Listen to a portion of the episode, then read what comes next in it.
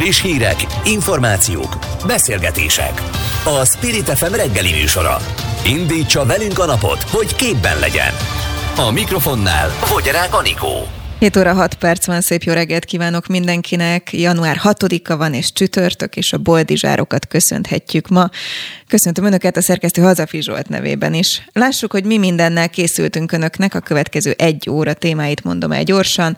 Aláírásokat gyűjt a DK és a Jobbik az uniós egység megőrzése érdekében. Hogyha jól értem, akkor azért, mert attól tartanak, hogy újra orosz felhatóság alá kerülhetünk, ráadásul állítólag a fejünk felett döntenek erről majd a világ nagyhatalmi vezetői, de mindjárt elmondja majd a részleteket Gyöngyösi Márton, a Jobbik EP képviselője. Aztán beszélünk majd a MOB elnökének leváltásáról is.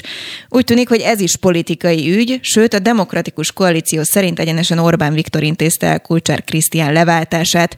A hírek azonban arról szóltak, hogy hirtelen duplájára emelte a saját fizetését, és több milliós jutalmat utalt ki magának, ráadásul többen nem voltak megelégedve a munkájával. Megkérdezem majd Tóth Tamást, a DK sportkabinetjének vezetőjét, mire alapozzák, hogy nem ezek voltak az indokok.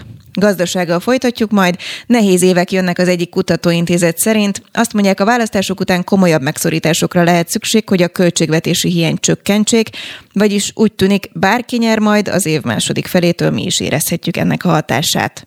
Megvan, hogy kik képviselik Márkizai Pétert egyes témákban, kinevezték a területek képviselőit a kampányra. A szociális ügyek felelőse Kanász Nagy Máté lesz. Az LNP társelnökével beszélgetünk majd, megkérdezem azt is, hogy nem fájja neki, hogy nem zöld ügyeket képvisel és nem foglalkozik eleget az állam az iskolai erőszakok ügyével. Legalábbis erre jutottak egy szakmai kerekasztal beszélgetés résztvevői. Egy gyermekpszichológust kérdezünk majd az óra végén a tapasztalatairól, mennyire súlyos probléma ez ma például az iskolákban. Korábban ugye voltak hírek tanárt vagy egymást súlyosan bántalmazó gyerekekről, az online oktatás például javította a helyzeten. Ezekre számíthatnak, ha velünk tartanak. Spirit FM 92.9 a nagyváros hangja. Petíciót indít Arakovács Attila a DK és Gyöngyösi Márton a Jobbik LP e képviselője az uniós egység megőrzése érdekében a kétsebességes EU tervével szemben. A politikusok Európa szerte kérik a közélet szereplőit, hogy aláírásukkal támogassák, hogy Európa megtalálja saját nagyhatalmi szerepét a globális politikában. Az okokról Gyöngyösi Márton LP e képviselőt, a Jobbik elnök helyettesét kérdezzük. Jó reggelt kívánok, köszöntöm! Jó reggelt kívánok, köszöntöm a hallgatókat, és üdvözlöm. Van időnk, úgyhogy kérem, hogy egy picit próbáljunk képbe helyezni minket, hogy miről is van szó a háttérben, miért kellene aláírni ezt a kérdőívet? Vagy kér karácsony petíciót? Előtt, karácsony előtt tájra kapott az a, az a hír Nyugat-Európában, és ezt a nyugat-európai sajtó mind a mai napig rendre taglalja, a magyar sajtóban meg valamiért egyáltalán nem jelenik meg. Az a, az a geopolitikai összefüggés, amely szerint ugye egyrésztről Ukrajna határán Oroszország elképesztő méretű katonai hadműveletet és csapatösszevonásokat indított. Belarusban többnyire Moszkva segítségével egy migrációs nyomás helyezedik, helyezedik az Európai Unió határaira, keleti határaira, és ezzel egy időben az Európai Uniónak egyes vezetői elkezdték hangoztatni azt, hogy az Európai Uniónak a problémáját az alapvetően a kétsebességes Európának a koncepciója mentené meg a nehézségektől. Na most ez a kettő együtt, tehát ezek, és Közben pedig Vladimir Putyin egy ultimátumot intézett az Európai Unióhoz, miszerint a poszt-szovjet térségből és a poszt-szocialista országokból, tehát ilyen értelemben a volt szovjet tagállamokból, és volt kelet, a kelet-közép-európai országokból a nyugati szövetségesek vonják ki a csapataikat, és vonják, vonják meg a, a, a tagságot és a szövetségi eh, tagságot a, ezektől az államoktól. Tehát magyarán a NATO, az Európai Unió az ne terjeszkedjen keleti irányba, sőt, azok, akik már jelenleg is tagjai, azok, hát hogy mondjam, azok ne sértsék az orosz érdekszférát. Tehát ezeket a híreket, ha összetesszük, ez nem egy összeesküvés elmélet, ha ma megnyitja a nyugati lapokat, akár német nyelvterületen, francia vagy angol nyelvterületen, tele van a sajtó komoly vezető politikusoknak a cikkeivel, véleménycikkekkel, hírekkel, amelyek azt támasztják elő alá, hogy itt van egy nagyon komoly veszélye annak, hogy az orosz, az oroszok, Vladimir Putyin, az újraéleszti a Brezhnev doktrínát.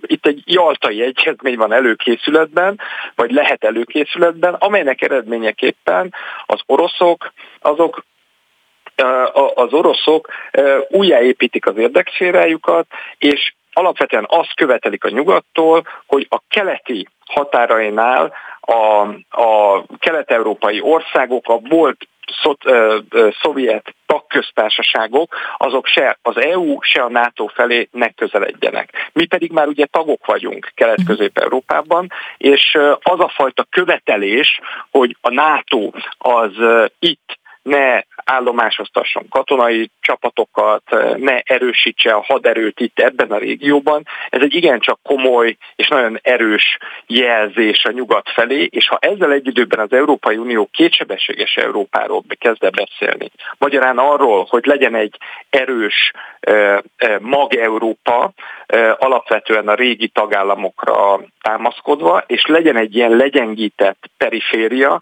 akkor ez alapvetően egy nagyon veszélyes helyzetbe juttathatná Magyarországot és az egész kelet-közép és a kelet-közép-európai országokat, mert ennek nagyjából az az üzenete, hogy mi másodrangú európai polgárok leszünk, másodrangú Európai Uniós tagállam leszünk, és ez alapvetően Orbán Viktornak a tervével is egybevág, hiszen mit akar Orbán Viktor? Ő nem akar e, egy erős Európai Uniónak a tagja maradni, ő nem akar például jogállamisági feltételeknek megfelelni, neki bőven elég, hogyha laza gazdasági kapcsolatok fűzik őt az Európai Unióhoz, a multinacionális vállalatoknak továbbra is e, e, dolgozhatnak éhbérére magyar munkavállaló, de ne jöjjön itt az Európai Unió mindenféle európai értékekkel, mindenféle jogállamisági kritériumokkal. Így Orbán Viktor úgy maradhat az Európai Unión belül, hogy a, tovább építhet egyfajta ilyen félfeudális diktatúrát alapvetően putyini mintára,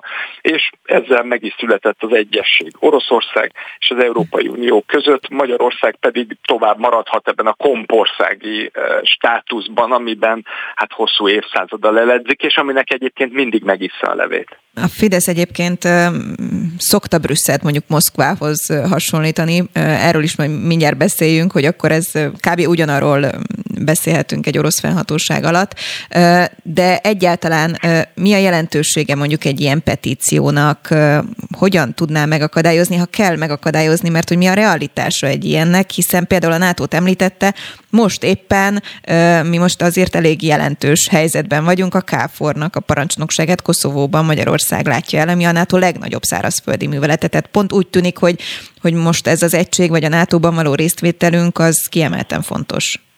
Hát pont ez van veszélyben.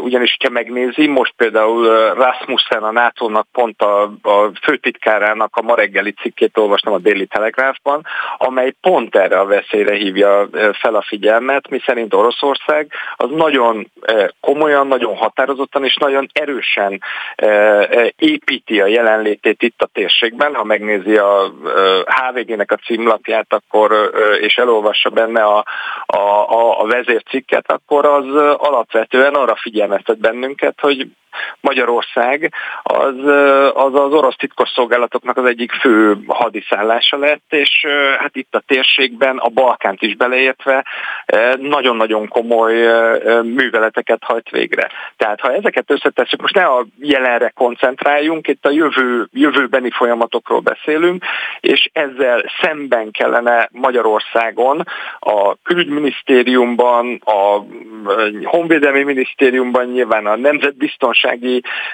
szakszolgálatoknál ugye egy stratégiát kiépíteni. Csak hát az a baj, hogy a Fidesz ugye ellenérdekelt, Orbán Viktor és az Orbán kormány ez egyfajta trójai falóként üzemel a nyugati szövetségen belül, a NATO-ban is, az Európai Unióban is, és megvan annak a veszélye, hogy Magyarország az kisodródjon ebből a szövetségből, és újra, hát nem tudom, két szék között a, a, a föld alatt találja magát. Hogy mi egy ilyen petíciónak a, a jelentőség, ez alapvetően a figyelemfelhívás. Tehát a probléma olyan nagy, hogy Magyarországon mi ezzel nem is foglalkozunk. Tehát, hogy a, a, ha, ha valaki mondjuk nem tájékozódik a nyugati lapokból, akkor nem is nagyon értesül arról.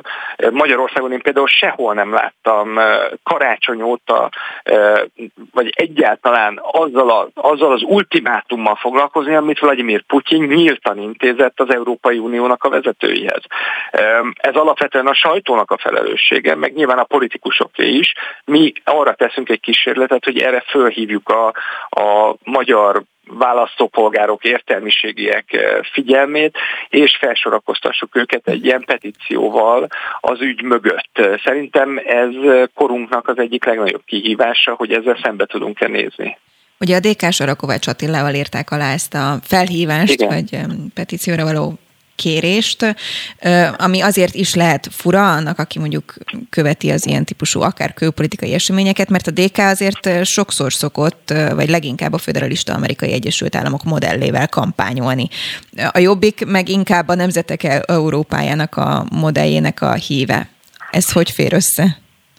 Nézze, a, ez, ez a vita, ami a föderális Európa, meg a nemzetek Európája koncepciója ütközéséről szól, ez egy nagyon elméleti és egy nagyon távlati vita. Szerintem az Európai Unió nagyon-nagyon messze van attól, hogy, hogy ezt a fajta vitát, ezt, ezt ne, ne csak lefolytassa, hanem hogy ennek bármiféle realitása legyen. Az Európai Unió az azért küzdik, hogy egy külpolitikai kérdésben mondjuk egy közös nyilatkozatot ki tudjon-e adni. Tehát, hogy a szavak szintjén meg tudja fogalmazni azt, hogy valójában mit is akar. Tehát az, hogy föderális lesz-e Európa, vagy, vagy konföderális és ilyen lazább szövetsége a nemzetállamoknak, ez szerintem nagyon-nagyon távlati és nagyon-nagyon elméleti probléma. Itt, egy, itt pedig egy nagyon-nagyon gyakorlatias kérdésről van szó, hogy Magyarország marad-e a Szent Istváni úton a nyugat részeként, vagy pedig Orbán Viktornak engedünk, és hagyjuk, hogy Magyarország az újra az orosz érdekszférába sodródjunk, sodródjon, aminek nagyjából lehet sejteni, hogy mi lesz a vége. Egy ilyen petíció igazából figyelemfelkeltés, ahogy ön is mondta, nem nagyon foglalkoztak, vagy foglalkoznak itthon ezzel a témával, vagy lehet valami következménye is?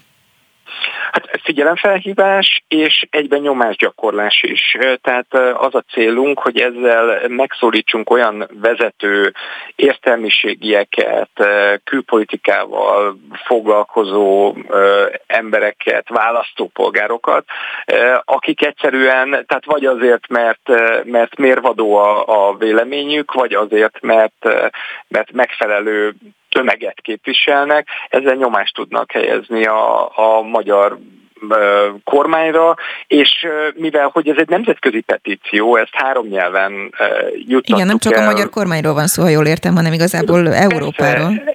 Ez alapvetően nem is, nem, nem is csak magyar probléma, ez ugye egy, egy ez kelet-közép-európának a sorsáról szól elsősorban, meg a perifériának a problémája, úgymond, de ez egész Európának a, a sorsát befolyásolhatja, hiszen nem mindegy, hogy az Európai Unió a 21. században egységesen, vagy pedig megosztva áll a riválisaival szemben, Oroszországgal szemben e, e, védelmi, katonai, e, gazdasági szempontból, meg Kínával szemben gazdasági szempontból. Ez csak és kizárólag egy egységes Európa tudja ezt a csatát megvívni. Diplomáciai szempontból, ha és amennyiben mondjuk lesz egy kormányváltás idén, egy ilyen petíció, ez mit üzen Oroszországnak?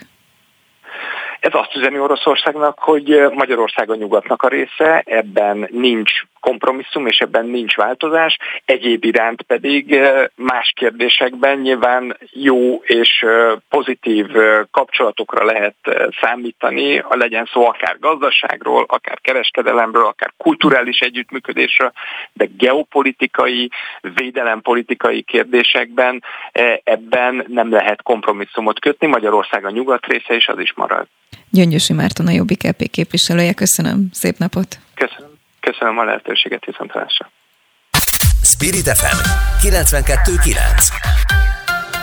A nagyváros hangja A Demokratikus Koalíció szerint a Magyar Olimpiai Bizottság előző elnökének Kulcsár Krisztiánnak a leváltásáról valójában Orbán Viktor egy személyben döntött, ahogyan a magyar sport elmúlt évtizedének legfontosabb kérdéseiről is.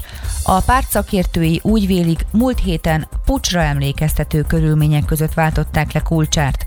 A miértekre Tóth Tamástól, a DK sportkabinetjének vezetőjétől várjuk a választ. Jó reggelt! Jó reggelt! Kvázi pucsról beszélnek, ugyanakkor meg, hogyha valaki olvasta a híreket, akkor annyit olvasott ki belőle, hogy igazából maga ellen indított egy ilyen bizalmatlansági szavazást, amin 24-en ellene szavaztak, 18-an mellette, és azok voltak az indokok, hogy például duplájára emelte a saját fizetését, meg, meg pár milliós jutalmat kapott, meg sokan nem voltak elégedettek azzal egyébként, ahogy ő irányít, meg át akarta alakítani a szervezetet. Szóval ezek nem lehettek valódi indokok? Eh, hát egy kicsit előbbre mennék. Én azt gondolom, hogy eh, a legelső probléma azzal, hogy egy civil szervezet élén már eh, olyan nem választott, kinevezett emberről beszélünk Kulcsák Krisztián szemében, amit egyébként annó is a Fidesz indítványozott. De Krisztiánnak voltak olyan lépései, amivel megpróbálta megreformálni a mobnak a működését, ami nem tetszett a jelenlegi kormányzatnak és tipikus karaktergyilkosságról beszélhetünk, ami novemberben indult el az Origó, illetve pár kormánypárti sajtó részéről, ahol egyértelműen a Sejem Zsinort eldobták felé annak érdekében, hogy egy olyan pártkatonát állítsanak ezen civil szervezetek élére is, ami még a választások előtt egy pártkatonát tud a MOB élére helyezni, ami azt gondolom, hogy sportpolitikailag mindenképpen tovább rontja a helyzetet. Miért nem tetszett egyébként? Mivel húzta ki a gyufát? Ez a szervezeti átalakítás, ez, ez mit jelent? Segítsen azoknak, akik hát nem kettő, sportszakértők. Kettő probléma van a MOB-nak a struktúrájával. Az egyik az az, hogy alapvetően olyan szakszövetségek, sportszövetségeknek az elnökei vannak delegálva, ami egy nagyon sajnálatos tény, hogy jelenleg Magyarországon a sport szakszövetségek élén, lásd Magyar Röplabda Szövetség, lásd Kosárlabda Szövetség, lásd Cselgány Szövetség, olyan politikusok ülnek, akik eh, vagy országgyűlési képviselők, vagy kiemelt önkormányzatoknak a polgármesterei, akik szakmailag nem megfelelő felkészültséggel, de semmiképpen nem függetlenséggel bizonyíthatóják azt, hogy tudják a szakmát végezni.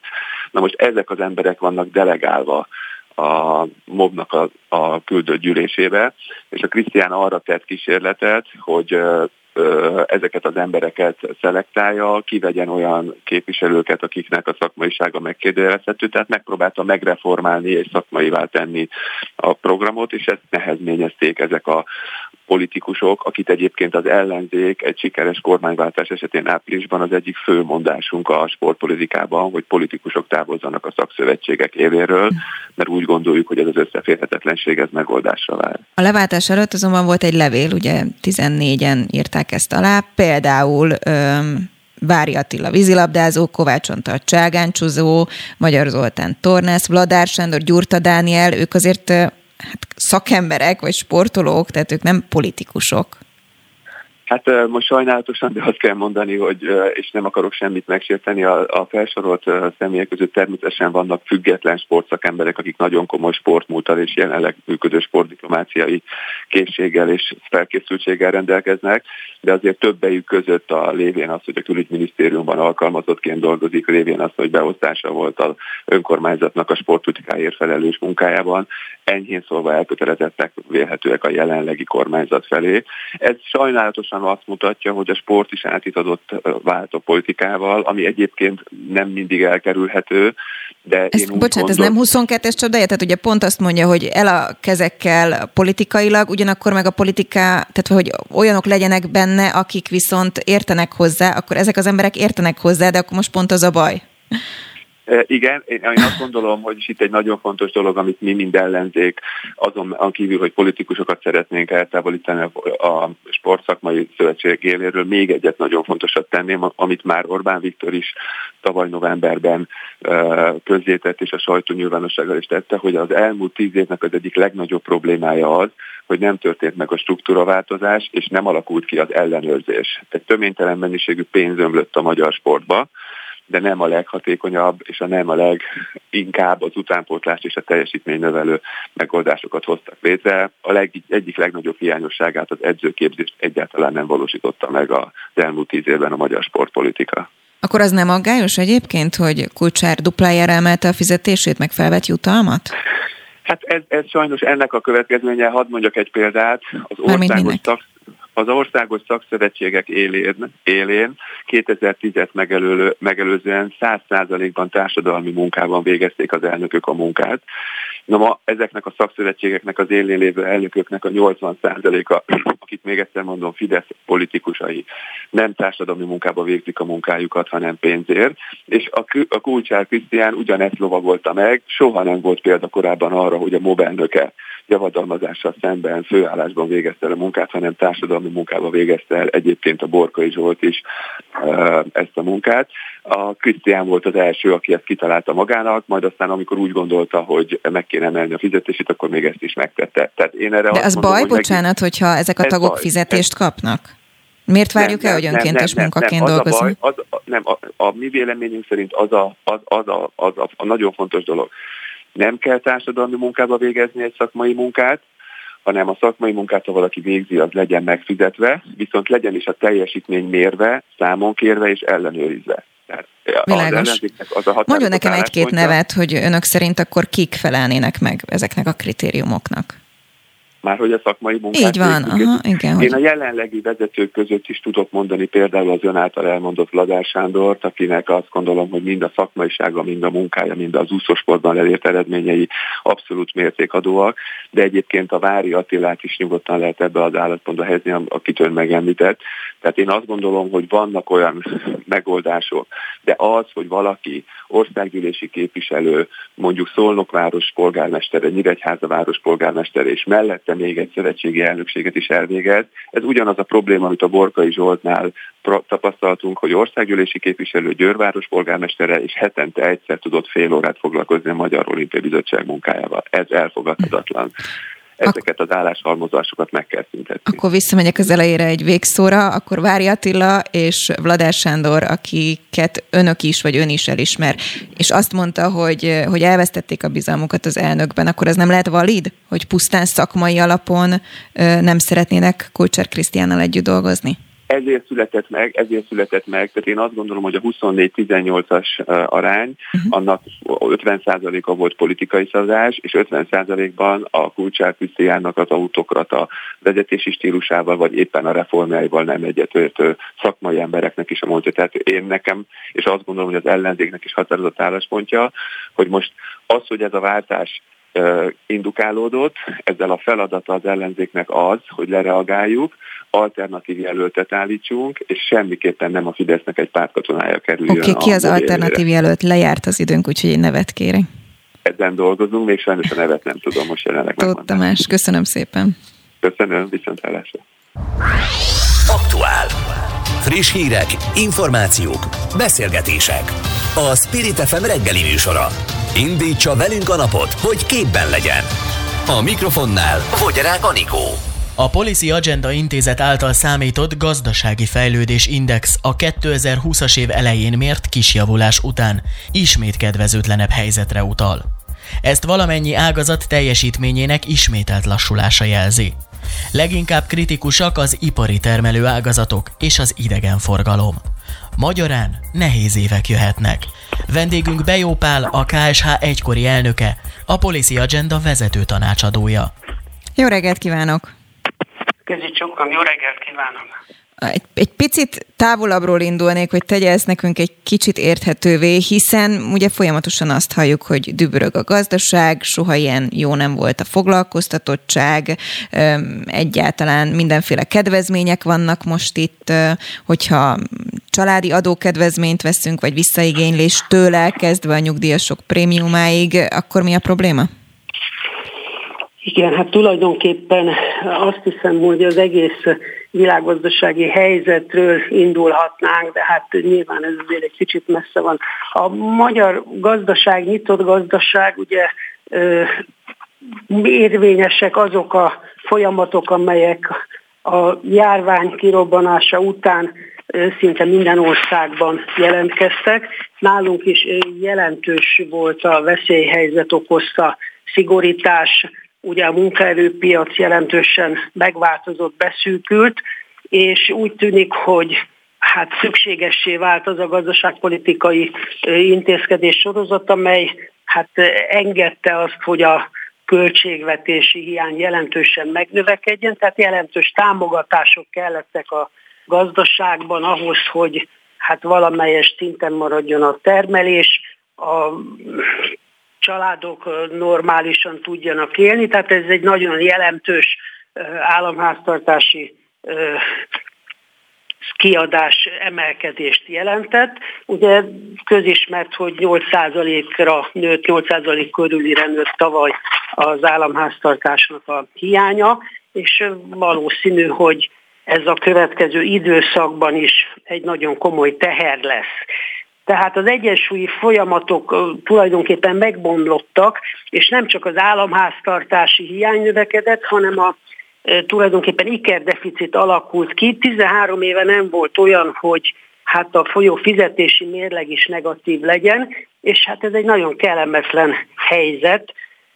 Ennek az egyik nagyon érezhető hát jelensége az, hogy a év második felében 7%-ot meghaladó havi infláció keletkezett. Tehát ez a fogyasztói áremelkedés, ez egy nagyon érzékeny mutatója annak, hogy ténylegesen valamilyen hát egyensúlytalanság van a gazdaságban. Itt az infláció magas üteme mellett nyilván a forint esetleges további gyengülése is nehezíti az egyensúlynak a helyreállítását, és hát ez kihat az egész gazdaság működésére, a vállalatok gazdálkodásának a feszültségei, munkaerőpiaci problémák mutatják azt, hogy hát igazán az elkövetkezendő hónapok nem lesznek egyszerűek, sőt az elkövetkezendő évekre is kihat az a elmúlt másfél-két év, ami hát sújtotta magyar gazdaságot is. Ez kihat természetesen a magyar családoknak a jövedelmi helyzetére is, és hát számíthatunk azzal, hogy esetleg a járványnak újabb hullámai lesznek is, ráadásul itt van ugye Magyarország néhány hónap múlva választ, és hát itt újabb társadalmi politikai feszültségek is alakulnak. No igen, ez különösen érdekes egy választási időszakában. Egyrészt mennyire valósak az adatok, amiket kapunk egyik vagy másik oldalról, másrészt, hogy egy ígéret cunami van, úgy látjuk mindkét oldal részéről. Ha jól értem, akkor önök arra figyelmeztetnek, hogy ennek meg fogjuk inni a levét.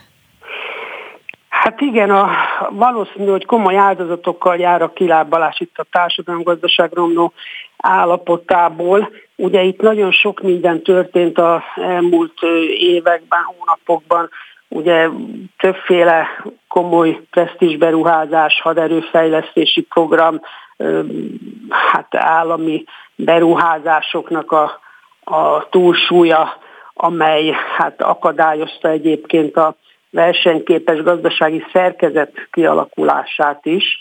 Ugye a probléma az az volt, hogy a felhalmozás jelentő rész, jelentős részét nem a versenyszfére, hanem a, az államnak egy úgymond direkt beavatkozása irányította.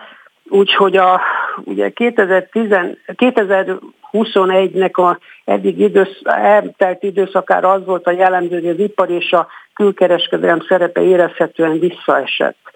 Ugye ezért a, igaz ugyan, hogy egy 6% fölötti gazdasági növekedés várható 2021-ben, de ez tulajdonképpen még csak azt jelenti, hogy elértük azt a két évvel ezelőtti szintet, és hát valószínű, hogy idén 2022-ben közepes lesz a teljesítményünk.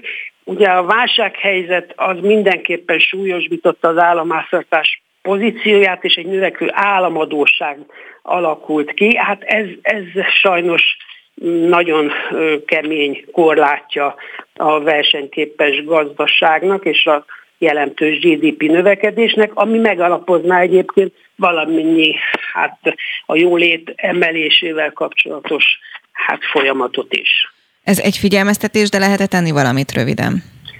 Hát valószínű, hogy, hogy az elkövetkezendő hónapok azok hát valamelyest kedvezőbbek lesznek, ugye nagyon sok vér és egyéb jövedelem típusú támogatás érkezett, a, vagy érkezik majd a családokhoz, de ennek az év második felében lesz egy negatív hatása, és ugye már tapasztaltuk és hallottuk azt, hogy különböző intézkedések születtek, először egy 350, aztán egy 700 milliárd forintos kormányzati szűkítés, beruházás visszafogása a kormányzat részéről. Valószínű, hogy ez folytatódhat majd szükségszerűen az év második felében, tehát újabb hát szigorító intézkedések lesznek feltehetően, amelyek részben az infláció hát növekedésével járnak,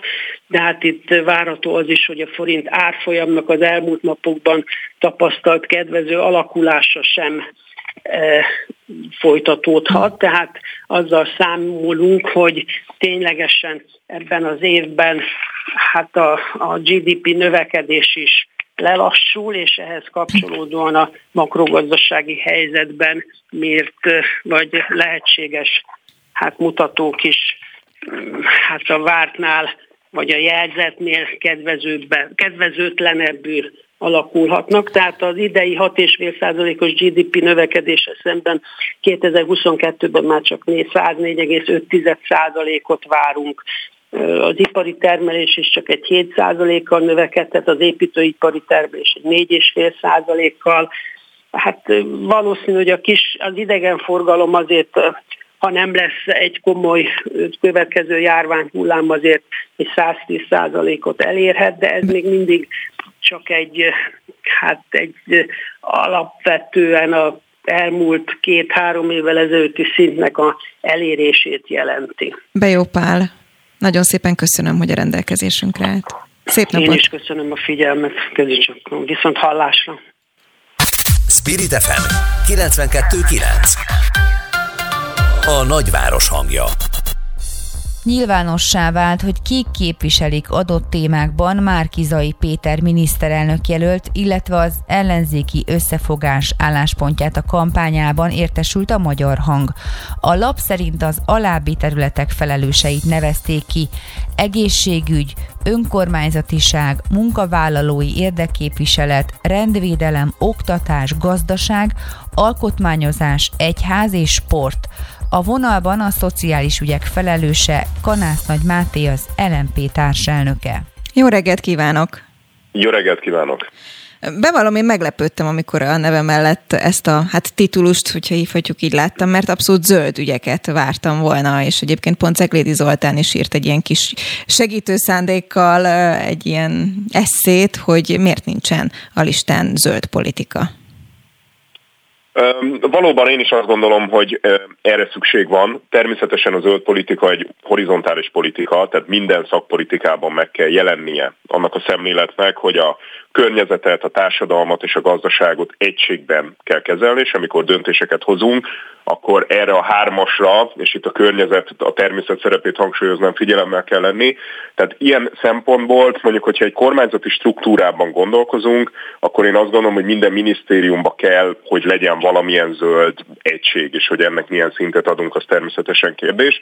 A saját szerepemmel kapcsolatban itt igazából arról volt szó, hogy ugye nekem az eredeti végzettségem szakmám a szociálpolitikus, tehát adta magát, hogy ha már alkottuk, alkotjuk a programot, fölállítjuk ezt a struktúrát, akkor a szociális területnek is külön legyen úgymond hangja. Ezt én vállaltam, volt egy ilyen lehetőség, felkérés, erre én jelentkeztem, de teljesen jogos a kérdés, hogy az zöld ügyeknek a képviseletét meg kell valósítani, de hát ugye nem csak szóvivői szinten valósítjuk ezt meg, hanem az ellenzéki pártok vezetői, szereplői ott vannak nyilván ennek a kommunikációjában, és mondjuk az LMP részéről például Smuk Erzsébet társelnök abszolút adja magát, hogy zöld ügyekben megszólal. Az LMP, ahogy eddig is, most is a jövőben is zöld ügyeket képviselni fog, és meg fogunk szólalni benne. Na mit jelentenek egyáltalán ezek a titulusok, vagy hogy arcai lettek egy-egy témának? Ez azt jelenti, hogy itt zajlik a közös programalkotás, ennek a, a végén járunk, tehát itt napokon belül meg fog születni a közös program, ezt publikálni fogjuk. Már most is van ugye egy közös alap, illetve a múlt héttől kezdve tartunk bejelentéseket a programról, de ez végleges formában, tehát napokon belül a nyilvánosságban is meg fog jelenni.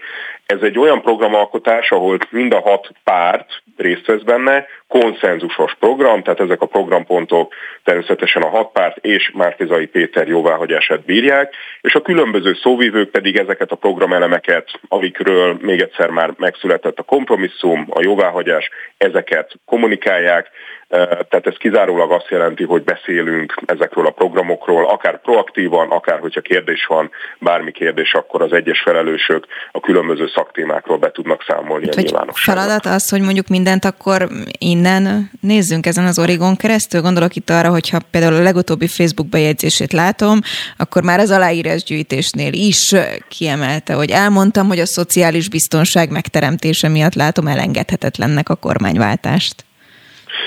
Igen, igen, ez Akkor most mindenbe beleszéljük ezt. Abszolút, nem, nem, nem, hát ez abszolút, abszolút tudatos volt. Ugye tegnap volt egy, egy közös kiállás, amikor Márkizai Péter vezetésével a, a pártvezetők ott voltak, ugye a nyugati téren tartottuk ezt, amikor lehetett ezekről a témákról beszélni, hogy ki mit szeretne elmondani, akkor én nyilvánvalóan ugye a szociális témát jeleztem, hogy szeretném elmondani, és ez így is történt. Ennek a népszavazásnak a szociáliságát, ugye itt a Fudán népszavazásról és az álláskeresési járadék fölemeléséről beszélünk, akár a diákok lakhatása, akár az álláskeresők létbiztonságának kérdése, az maximálisan szociálpolitikai kérdés is természetesen. Ha jól értem, akkor ön jelentkezett erre a posztra. Ez egy közös, ez egy közös döntés volt. Nyilván láttuk ugye ennek a, a szervezését, meg lettek kérdezve a pártok, így csúnyán mondva, hogy ki mit szeretne, kinek mi az ambíciója. Én a szociális területet jeleztem, és ezzel kapcsolatban szintén konszenzus volt, hogy akkor én ezt tudom képviselni, vinni. De mondom, én eredetileg is szociálpolitikus vagyok, dolgoztam, dolgozom Világos. a szakmában, úgyhogy ez adta magát. Innentől kezdve egyeztetnek majd mindig, mielőtt mondjuk szociális ügyekben megszólal, vagy, vagy ez azt jelenti, hogy akkor Máté, te viszed az ügyeket, és beszélj róla, amit szeretnél? Ö, természetesen egyeztetünk, tehát minden megszólalás az, az egyeztetve van a kampánystábbal, ez nem is lehetne másként, és itt alapvetően nyilván a programra ö, tudunk koncentrálni, tehát amit a program megenged, és amit majd a végleges program tartalmaz, én arról tudok beszélni, nekem arra kell szorítkoznom, hiszen innentől kezdve ha én, mint ugye Márkizai Péter árnyék kormányának nevezzük így szociális szóvívőjeként megszólalok, akkor nyilvánvalóan a szociális területet tudom csak elmondani, se többet, se kevesebbet, amit tartalmaz majd a programunk. Nyilván mindenkiben felmerül a kérdés, hogy akkor ez azt jelenti-e, hogy Kanász Nagy Máté szociális tárcában részt fog-e vállalni? Nem, nem, nem. Tehát ez, ez önmagában ezt nem jelenti, ez kizárólag a kommunikációról szól, hiszen, és ez egy nagyon fontos kérdés és döntésünk volt, hogy hogy mondjam, előre senki nem iszik a mezze bőrére, hogy szabad ezt a hasonlatot idehozni. Itt tényleg arról van szó, hogy kommunikálni szeretnénk, meg kell nyerni a választást. Minden, ami kormányzati struktúra, személyi kérdést, az kizárólag a választási győzelem után fogjuk rendezni. Bármelyik területen, hogyha megnézzük a szóvívőket, akkor természetesen sok más új név, vagy, vagy másik név szereplő is fölmerülhet. Tehát ez, ez nem azt jelenti, hogy előre le vannak osztva alapok, ez egészen biztos. Várható az, hogy további nevek kerülnek be ebbe a kalapba? Például a zöld ügyeknek lesz felelőse? Én azt gondolom, hogy igen, tehát ez egy dinamikusan és organikusan fejlődő folyamat. Hamarosan publikálni fogjuk a programot, és akkor azzal kapcsolatban természetesen újabb fejlemények várhatóak, akár személyi kérdésekben is, tehát ezt, ezt én nem zárnám ki, hogy ez most így végleges lenne, igen. Kanász Nagy Máté, köszönöm szépen. Köszönöm én is. Spirit FM 92.9 a nagyváros hangja. Az iskolai agresszió nem kiemelt téma az oktatás irányításban, írja G7. A cikkben közölték, a kormány 2020-ban 30 millió forintot költött az iskolai erőszakot megelőző programokra. Ez diákonként körülbelül évi 20 forintot jelent. Mindeközben az állam havonta költ az iskolaőrségre, ami legjobb esetben is tüneti kezelést tud nyújtani, olvasható. Milyen eszközök léteznek az iskolai agresszió megelőzésére és kezelésére? Hogyan veheti észre a szülő, ha gyerekét bántalmazzák?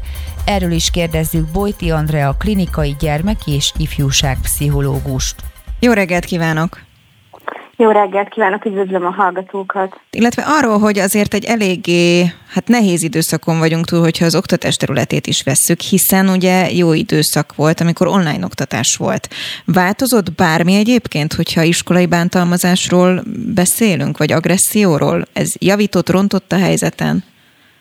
Hát alapvetően a Covid-járvány nagyon sok szorongást okozott a gyerekekben is, és ez egy nagyon ismeretlen helyzet volt, amikor otthon kellett maradniuk, és azt láttuk, hogy a bántalmazás maga az sokszor áttevődött az online térbe, ami szintén egy olyan terület, amivel nagyon hát keveset foglalkoznak, mert hogy, mert hogy az iskolák sokszor azt mondják, hogy akkor ez nem az ő felelősségük, hogy az osztálytársak az online térben mit csinálnak, ugyanakkor mégis be kellene őket vonni. Hogyan?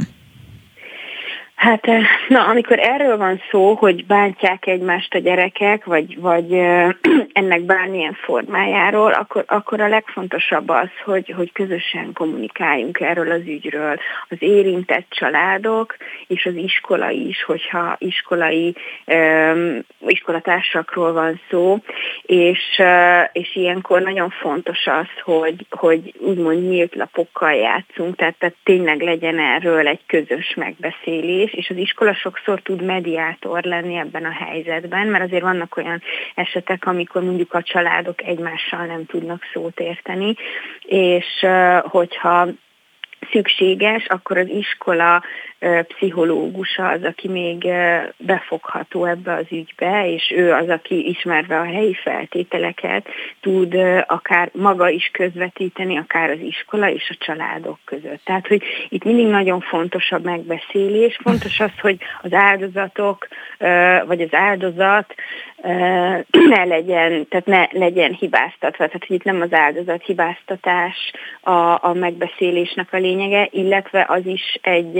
másik fontos dolog, hogy az elkövető vagy az elkövetők lelki világával is foglalkozni kell. Mert ez egy, most hogyha egy teljesen általános ügyet veszünk, és nem valamilyen szélsőséges dolgot, akkor ugye jellemző az, hogy a gyerekek egymást is be tudják húzni egy-egy ilyen bántalmazó helyzetbe, hogy ők válnak elkövetővé, mert ugye a csoportnyomás az nagy. Tehát, hogy kitalál valamit egy gyerek, vagy két gyerek, és még három-négy másikat bevon ebbe. Mondjuk, hogy valakit szekáljanak. És akkor ilyen esetekben, amikor történik egy megbeszélés, vagy van egy lebukás, vagy ez kiderül a felnőttek részéről, hogy mi történik, akkor nagyon sokszor van az, hogy a bántalmazó maga is nagyon megsíndi, meg összeroppan, meg rájön arra, hogy mit tett, amikor ugye már őt egyénileg számon kérik, és ugye ilyenkor ilyenkor ez is nagyon fontos, hogy, hogy ilyen komplex hozzáállással segítsük őket. Minden mindennel összefügg, és ugye azt szokták mondani, hogy igen, hogy a szülőnek otthon, hogyha jó kapcsolata van a gyermekkel, és beszélgetnek, akkor majd a gyermek el, elmeri mondani, hogy ha bántották, vagy mondjuk vélhetően nem lesz bántalmazóvá.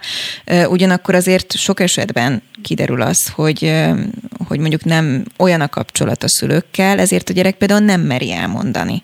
Akkor ezek hogy derülhetnek ki? Egy iskolapszichológus ezt hogy veheti észre? Uh-huh. Hát alapvetően egyébként én ezt annyiban helyesbíteném, hogy lehet jó kapcsolat a szülő és a gyerek között, de akkor is mondjuk egy kis kamasz-kamasz gyerek már nem mondja el uh-huh. feltétlenül úgy a dolgokat, szégyelli. No, akkor mit csináljak anyukaként? Tehát, hogy, igen, igen. Mik a jelek? Alapvetően igen, a, jelek, a jelekre lehet figyelni, meg kell is a szülőknek, mert elég, sokszor elég feltűnőek. Az egyik ilyen az, hogy megváltozik a gyerek viselkedése. Az eddig zárkózott gyerek ilyen nagyon kis impulzív lesz, élénk lesz, az eddig nagyon na, harsány, iskola központi gyereke zárkózottá válik, tehát amilyen nagyon markáns viselkedésváltozás, akkor mindig gondolni kell erre, hogy van-e valamilyen bántalmazás a háttérben.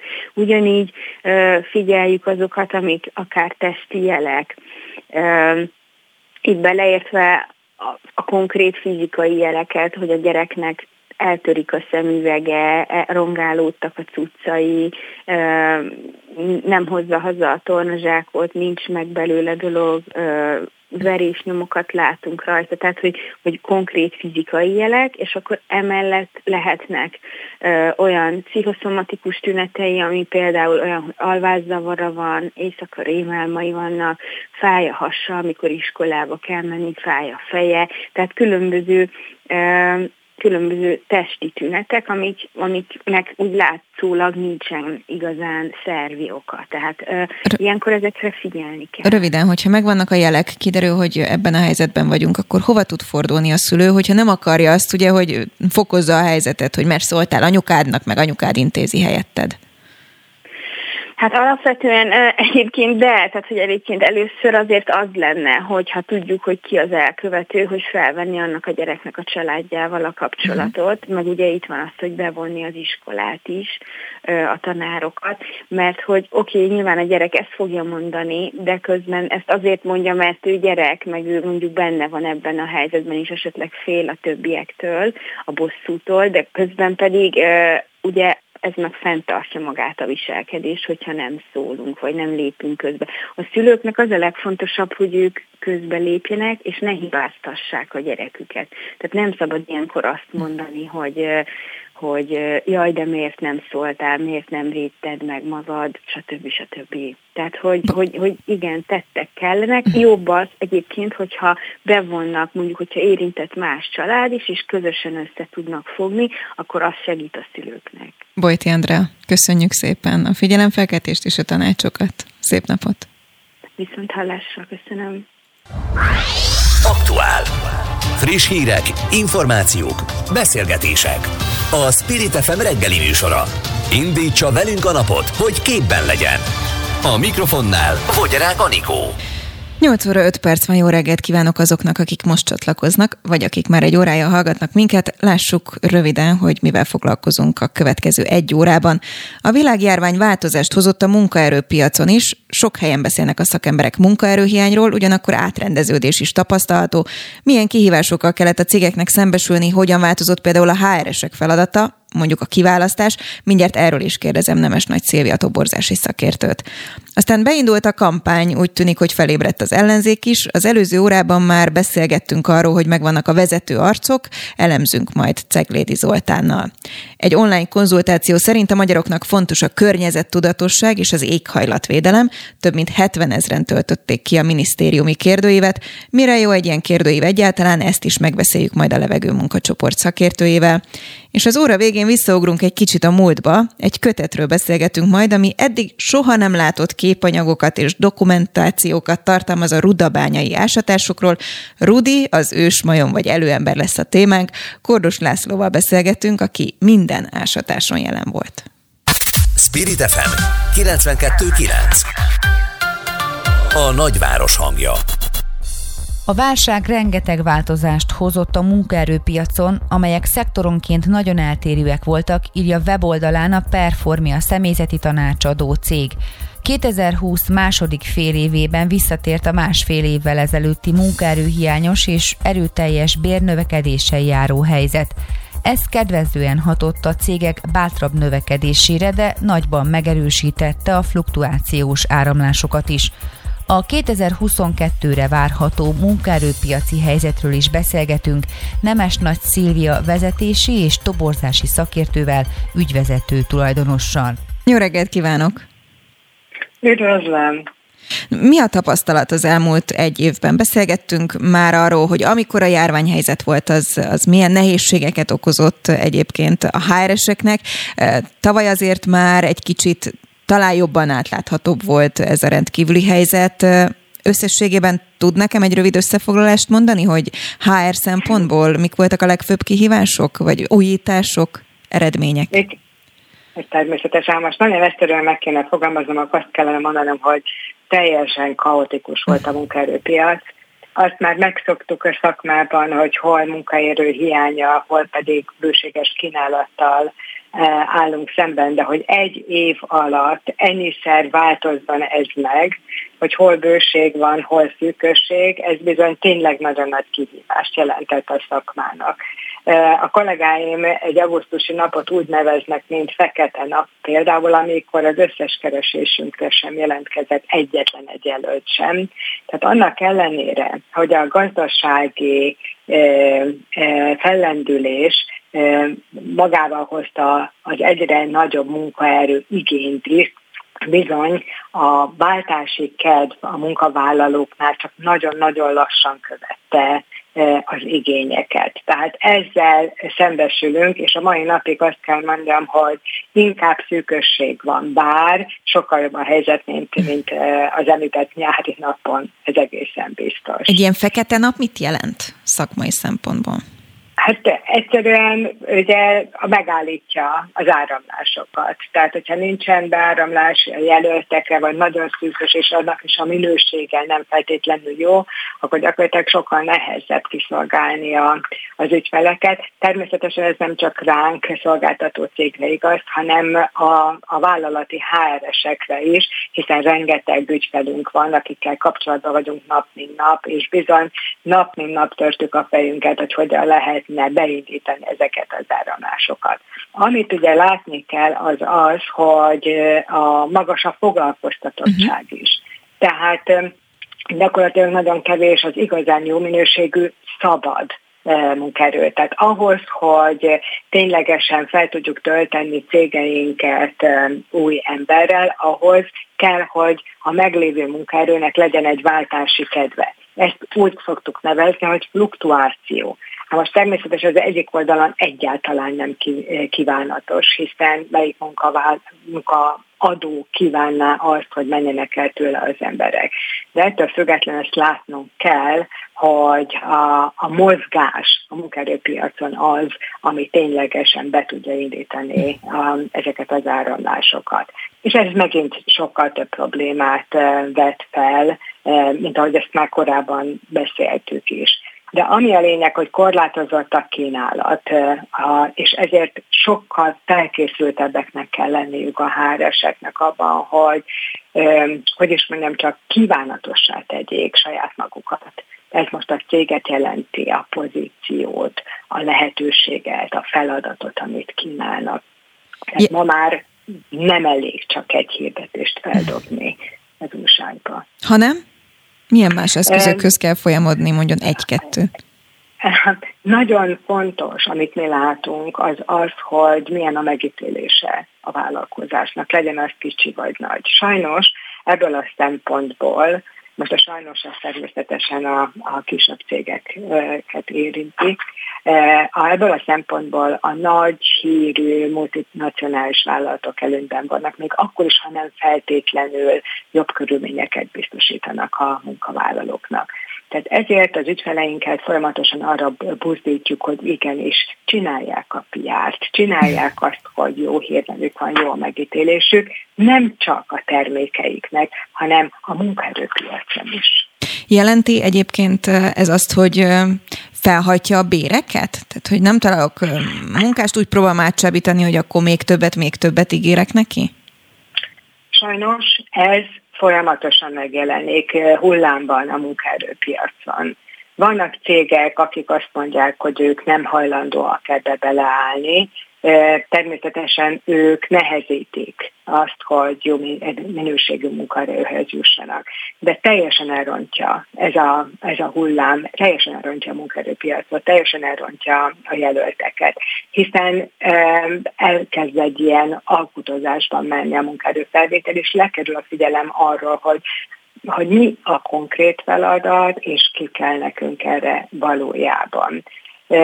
Másik ugye, mindig, mindig meg szoktam fordítani a dolgot, hogyha én most el tudok csábítani több pénzzel valakit, akkor vajon mikor fog tőlem elmenni, csak azért, mert valaki megint több pénzt ajánl. Tehát én mindenkit arra buzdítok céget, hogy amennyire csak tudják, tartsák a terüket, ne menjenek bele túl nagy bér alkuba, tehát inkább a feladattal, a kihívással, tényleg a jó piárral, azzal, hogy biztonságos, jó munkahelyet, jó munkalégkört kínálnak, sorolhatnám kihívást, képzést, tehát mindenféle mással versenyezzünk. Annál is inkább, mert Ugye most itt van 2020-ra egy új kis ajándékcsomag nekünk, ez a minimálbér és bérminimum növekedés. E, emellett ott van még az energia, a szállítás, az alapanyagoknak a, az áremelkedése. E, tehát egyszerűen ki kell tudnunk termelni azt a bérösszeget és azokat a plusz költségeket. Tehát nem lehet elszállni ezzel, hiszen valamiből gazdálkodunk, és ez, ez véges. Önnek mi a tapasztalata itt? A tavalyi évben többször beszéltünk arról, hogy hát egyes szektorok vagy szakmák nagyon nagy bajba kerültek, uh-huh. például ugye turizmus és vendéglátás, ahonnan uh-huh. elvándoroltak, mert kénytelenek voltak elvándorolni a munkaerő, és sokan állítólag úgy voltak vele, hogy találtak egy biztos munkát, mindegy, hogy hol, mondjuk egy bevásárlóközpont, vagy ahol inkább ott maradtak, mert az fix, és nem mennek vissza ebbe a szektorba. Érzik ezt a típusú átrendeződést? Vannak ilyen szektorok, amelyek bajban vannak? Abszolút. Tehát ez, amit most mondott Anika, ez így egy az egyben természetesen így van. Nagyon nehezen uh, tudják föltölteni ezekben az ágazatokban, de itt van a rendezvényszervezés is, hiszen ezért látjuk a színházak, nyitva vannak rendezvények, vannak sportcsarnokok, egyre több uh, uh, rendezvényt, koncertet szerveznek, tehát ez a, ez a szakma ez tényleg nagyon nagy bajban van uh, továbbra is de ahol a legnagyobb a, a keresés, százalékos arányban azok a különböző technológiai cégek, és megjelentek a banki pénzügyi vállalkozások is a, a második helyen, és természetesen a gyártás és az építőipar is. Itt van nekünk uh-huh. nagyon sok építőipari ügyfelünk van, tehát ugye beindultak a beruházások ismételten, aminek nagyon-nagyon örültünk, viszont jó építőipari mérnököt, építésvezetőt, projektvezetőt találni, hát ez, ez igazi kihívás volt ebben a ebben Akkor nem csak évben. munkást kell akár külföldről toborozni, hanem vezetőt is az építkezéseknél ezek szerint? Mert arról már régóta szó van, ugye, hogy határon túlról próbálunk áthozni embereket, akik megépítik egyébként, vagy elvállalják a, az építkezést, de akkor ezek szerint mérnököt is? Abszolút, teljes mértékben. Tehát akik most jelen pillanatban dolgoznak, igyeksznek őket nagyon megfizetni, nagyon megbecsülni és nem elengedni. Viszont azzal, hogy növekszik a munka mennyisége, természetesen a mhm. vezetők számát is növelik kell, hiszen a projektek száma növekedik, amit le kell bonyolítani. Úgyhogy ez, ez de, de az előkészítésben, bármiben, tehát a teljes munkafolyamatnál megjelennek az igények. Tehát amit mi csinálunk, az, hogy folyamatosan kutatjuk a lehetőségeket, és, és képezzük ki az ügyfeleinket és a háreseket arra, hogy mennyi módon lehet gyakorlatilag megszerezni ezt a, ezt a, a kívánt létszámot, amire, amire szükség van. Jövőre ez nagyon, még nagyobb kihívás lesz, és ugye nem tudjuk, még van egy pár tényező, ugye a, a béremelkedés, nem tudjuk, hogy ez konkrétan majd mit fog hozni. Mit vár, mit vár ebben az évben, amennyire előre látható? Röviden. Hát, ugye Mi lesz a, a legnagyobb kérdés... kihívás HR szempontból? A HR szempontból mindenféleképpen ugyanaz, mint eddig, hogy, hogy megfelelő minőségű és kellő mennyiségű munkavállaló ott legyen mindenhol. De ha most teljes egészében nem csak a toborzást nézem, akkor talán kettő szóval tudnám jellemezni a feladatot, most itt nagyon röviden, megszerezni és megtartani.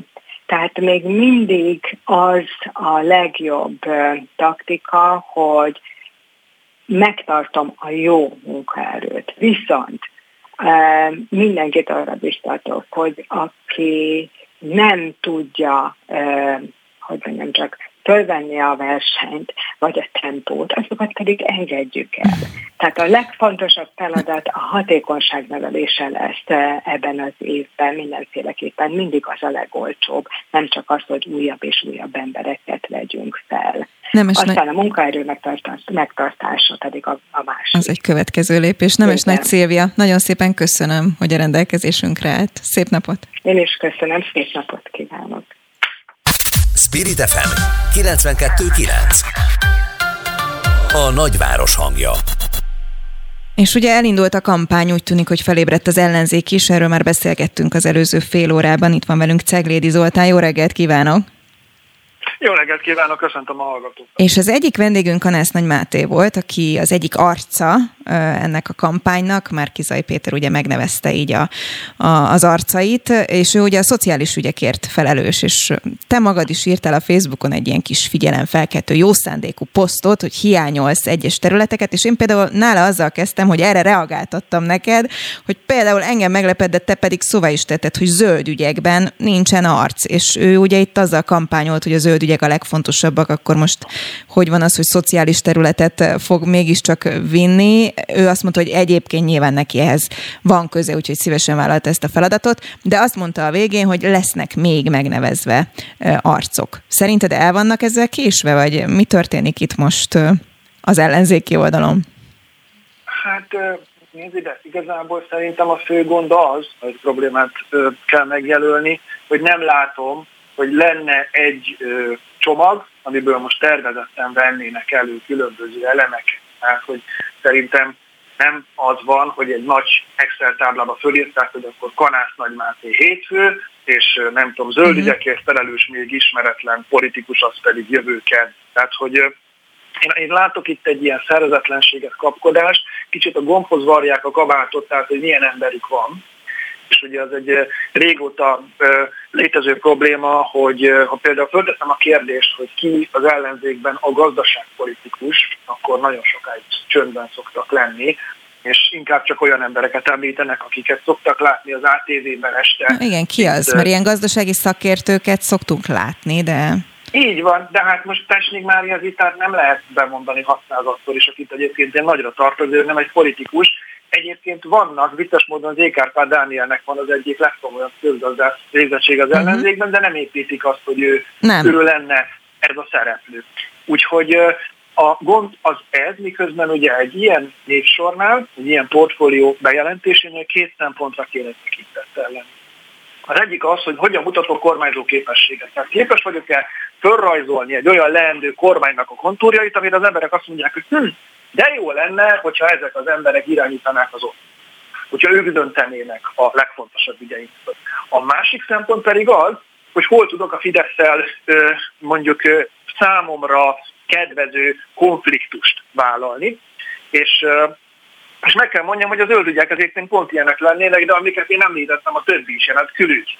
Hát ha van fontos különbség Fidesz és ellenzéke között, akkor az egyik az pont az, hogy hogyan viselkednek más országokkal, hogy milyen élménye bármelyik külföldi külügyminiszternek vagy államfő Szijjártó Péterrel találkozni, keleti nyitás, Brüsszel ellenes harc, ezzel szembe állítani egy embert, akinek normális haja meg öltönye van, és úgy beszél angolul, hogy ez nem kínos, szerintem egy nagyon fontos ellenzéki fegyvertény lenne. Az is érdekes, pláne ebben a kontextusban, hogy én ugye nyilván megkérdeztem Kanász Nagy Mátét, hogy akkor ez azt jelenti innentől kezdve, hogy ha és amennyiben lesz egy kormányváltás és szociális területen, akkor ő visszaköszön majd miniszterként, államtitkárként, és mondta, hogy nem, de hogy is, nyilván erről nincsen szó, itt nem akarunk ilyen mindenféle árnyék kormányt felállítani, de hát akkor pont arról beszélsz, ha jól értem, hogy jó lenne, hogyha azonosítanánk ezeket az arcokat, uh-huh. hogy srácok, ők lesznek azok, akikkel visszük majd a bulit, hogyha úgy alakul. Szerintem a, a, a miniszterelnök jelölti előválasztási kampányban Dobrev Klárának volt az üzenete az, hogy ő egy kompetencia alapú ö, politikát folytat, és egy ilyen kormányzásra készül. Ő konkrétan arról beszélt, hogy árnyék kormányt kell fölemlíteni. Az látszik, hogy a, a Márkizaj Péter vezette kampányban, és a az ott folyó ellenzék egyeztetésekben ez, a, ez az üzenet, ez nem ment át, vagy ez a, ez nem, nem, nem akarják elfogadni ezt az eszközt, pedig ez egyébként egy, ez egy jó irány lett volna. El is mondom miért. Ugye a Fidesz Fidesz gyakran kritizálják azzal, hogy nem ír programot, hanem csak azt mondja, hogy folytatjuk. De ez a folytatjuk, ez 12 év megvalósult kormányzásra vonatkozik. Tehát az emberek tudják azt, hogy, ha, hogy a folytatjuk azt jelenti, hogy egy kulcsos adó, azt jelenti, hogy csok, ugyanakkor azt is jelenti, hogy az állami egészségügyet leépítik, a magát feltőkésítik, jelenti a nagycsaládosok támogatását, jelenti a szociális érzékenységet, és hosszan folytathatnánk. Tehát ha folytatjuk, az egyébként egy létező kormányzásról szól. Az ellenzék esetében Ugye ilyen reputáció az egyik oldalon nincsen, mert az ellenzéki politikusok jelentős része, beleértve az általában a Kanász Nagy Mátét is, de ugyanaz igaz Jakab Péterre, meg MSZP társelnökeire is, azért ők aktív vezető politikusként már a 2010 utáni időszakban szocializálódtak, nem tudták fölmutatni azt, hogy milyen a kormányoznának, az ellenzék másik fele pedig az, amelyik 2010-ben vereséget szenvedett, és az ő kormányzásukat legalábbis meg kell magyarázni, hogy hogy mi hogyan jutott el egy kétharmados nerhez a végig. Na most erre a legfontosabb válasz az egy uh, ilyen árnyékkormány lenne, szerintem Dobják Fárának újra be kéne dobni ezt a, az egyeztetést. Hát haszóhoz juthat, igen. Lépjünk egyet tovább, és kampánytémák. Kíváncsi vagyok a véleményedre. Itt már az év vége fele ö, elég sok elemző, és mondjuk kormánypárti elemző azzal kritizálta az ellenzéki összefogást, hogy nincsenek meg a fő ö, topikok, hogy míg a Fidesznél látjuk, hogy van migránsozás, meg brüsszelezés, meg Soros György, György és ugye a gyermekvédelmi törvény, addig a másik oldalon nincsenek ilyen meghatározható kampánytémák. Te látsz már ilyeneket? Um, ugye az a nehéz, hogy egyfelől persze látok, mert uh, erre válaszul már Kizaj Péter is elkezdett migránsozni, de de ugye az ellenzéknek elméletileg van két népszavazási kérdése, most a héten álltak kép uh, demonstratíve, azt bemutatni, hogy ők most ezt a két népszavazási kérdést tartják nagyon-nagyon fontosnak, ugye a, a Fudan Egyetem ügyét, ügyében meg az mhm. álláskeresési járadékot illetően. Ugye ezekkel az a baj, hogy ez egy partikuláris, részszerű kérdések, tehát egy, kor, egy leendő kormányzás egészéről viszonylag keveset mhm. mondanak el. Tehát ez megint, most képzeljük el azt, hogyha valaki oda szavaz, és akkor van egy kormányváltás, és másnap az új kormány bejelenti, hogy oké, okay, nincsen fudám, oké, okay, akkor uh, megemeljük az álláskeresési járadék uh, folyosításának jó, jó, idejét. És akkor oké, okay, de hogy köszi. ugye ami nincs, nincs benne a, a kormány, a, vagy a leendő kormányzást illető ígéretekben, hogy most kiálltak az elmúlt napokban programokat bejelenteni, nincs benne, nincsenek benne adókulcsok, nincsen benne, tehát csomó minden nincsen benne, egészségügyi finanszírozás. Tehát az ellenzéknek e tekintetben nincsen témája, illetve van a másik saját maga. Nem tudtuk azt megugrani, és ha van csalódottság az ellenzéki táborban, meg kiábrándultság, annak ez lehet az oka, hogy ugye éveken keresztül hallgattuk, hogy azért nem lehet itt semmit csinálni, mert nincsen összefogás, aztán, jól lesz összefogás, de meg kell csinálni az előválasztást. Hónapokkal ezelőtt lezárult az előválasztás, meg lett annak a végeredménye, és valahogy még mindig ott tartunk, hogy az ellenzék magáról beszél.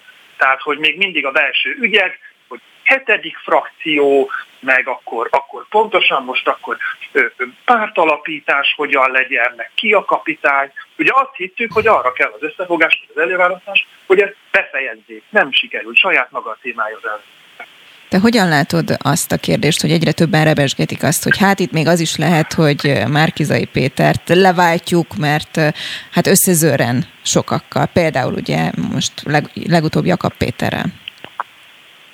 Hát nagyon kevés idő van már ehhez. Ugye listát is kell állítani, és, és kampányt is kellene folytatni.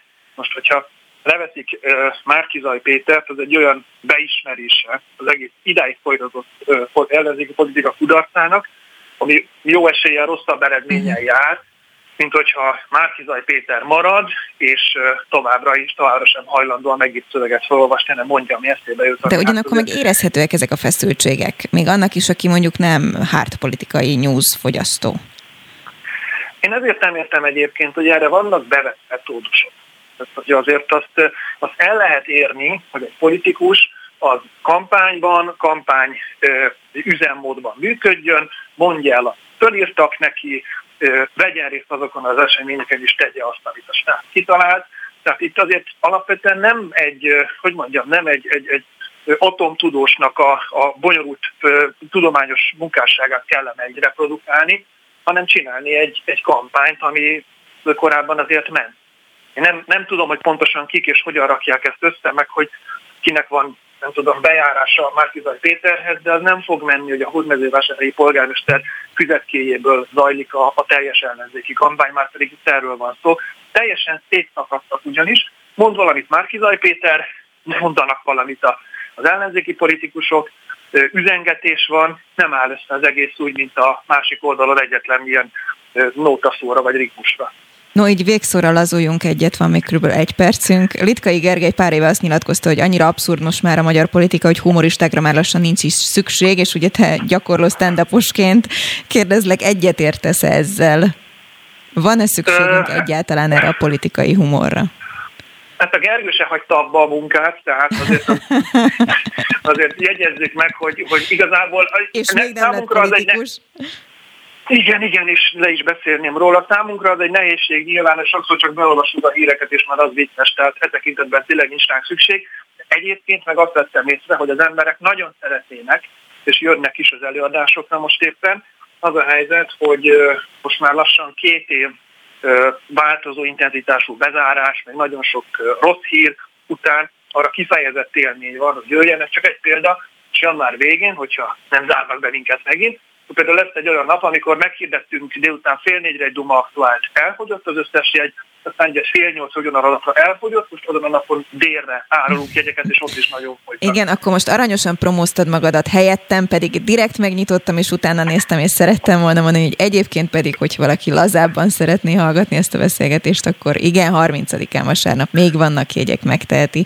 Igen. Zoli, nagyon szépen köszönöm, szép napot neked! Köszönöm szépen, üdvözlöm a hallgatókat! Aktuál. Friss hírek, információk, beszélgetések. A Spirit FM reggeli műsora. Indítsa velünk a napot, hogy képben legyen.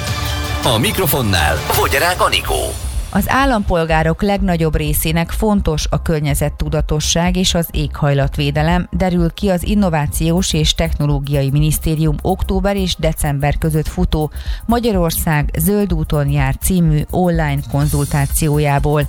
Steiner Attila államtitkár elmondása szerint a kérdőívekre több mint 70 ezeren válaszoltak. Hogy milyen intézkedésekre lenne szükség, arról Varga Mártont, a levegő munkacsoport közlekedési szakértőjét kérdezzük. Jó reggelt kívánok! Jó reggelt kívánok! És ebben a hát nemzeti konzultáció jellegű kérdőívben volt azért kérdés, például az elektromos közlekedés állami támogatásáról is, bár bevallom, hogy ennek eredményét nem találtam én meg, de gondolom, hogy az emberek örülnének ennek a típusú támogatásnak. Miért van jelentősége egy ilyen típusú kérdőívnek ön szerint?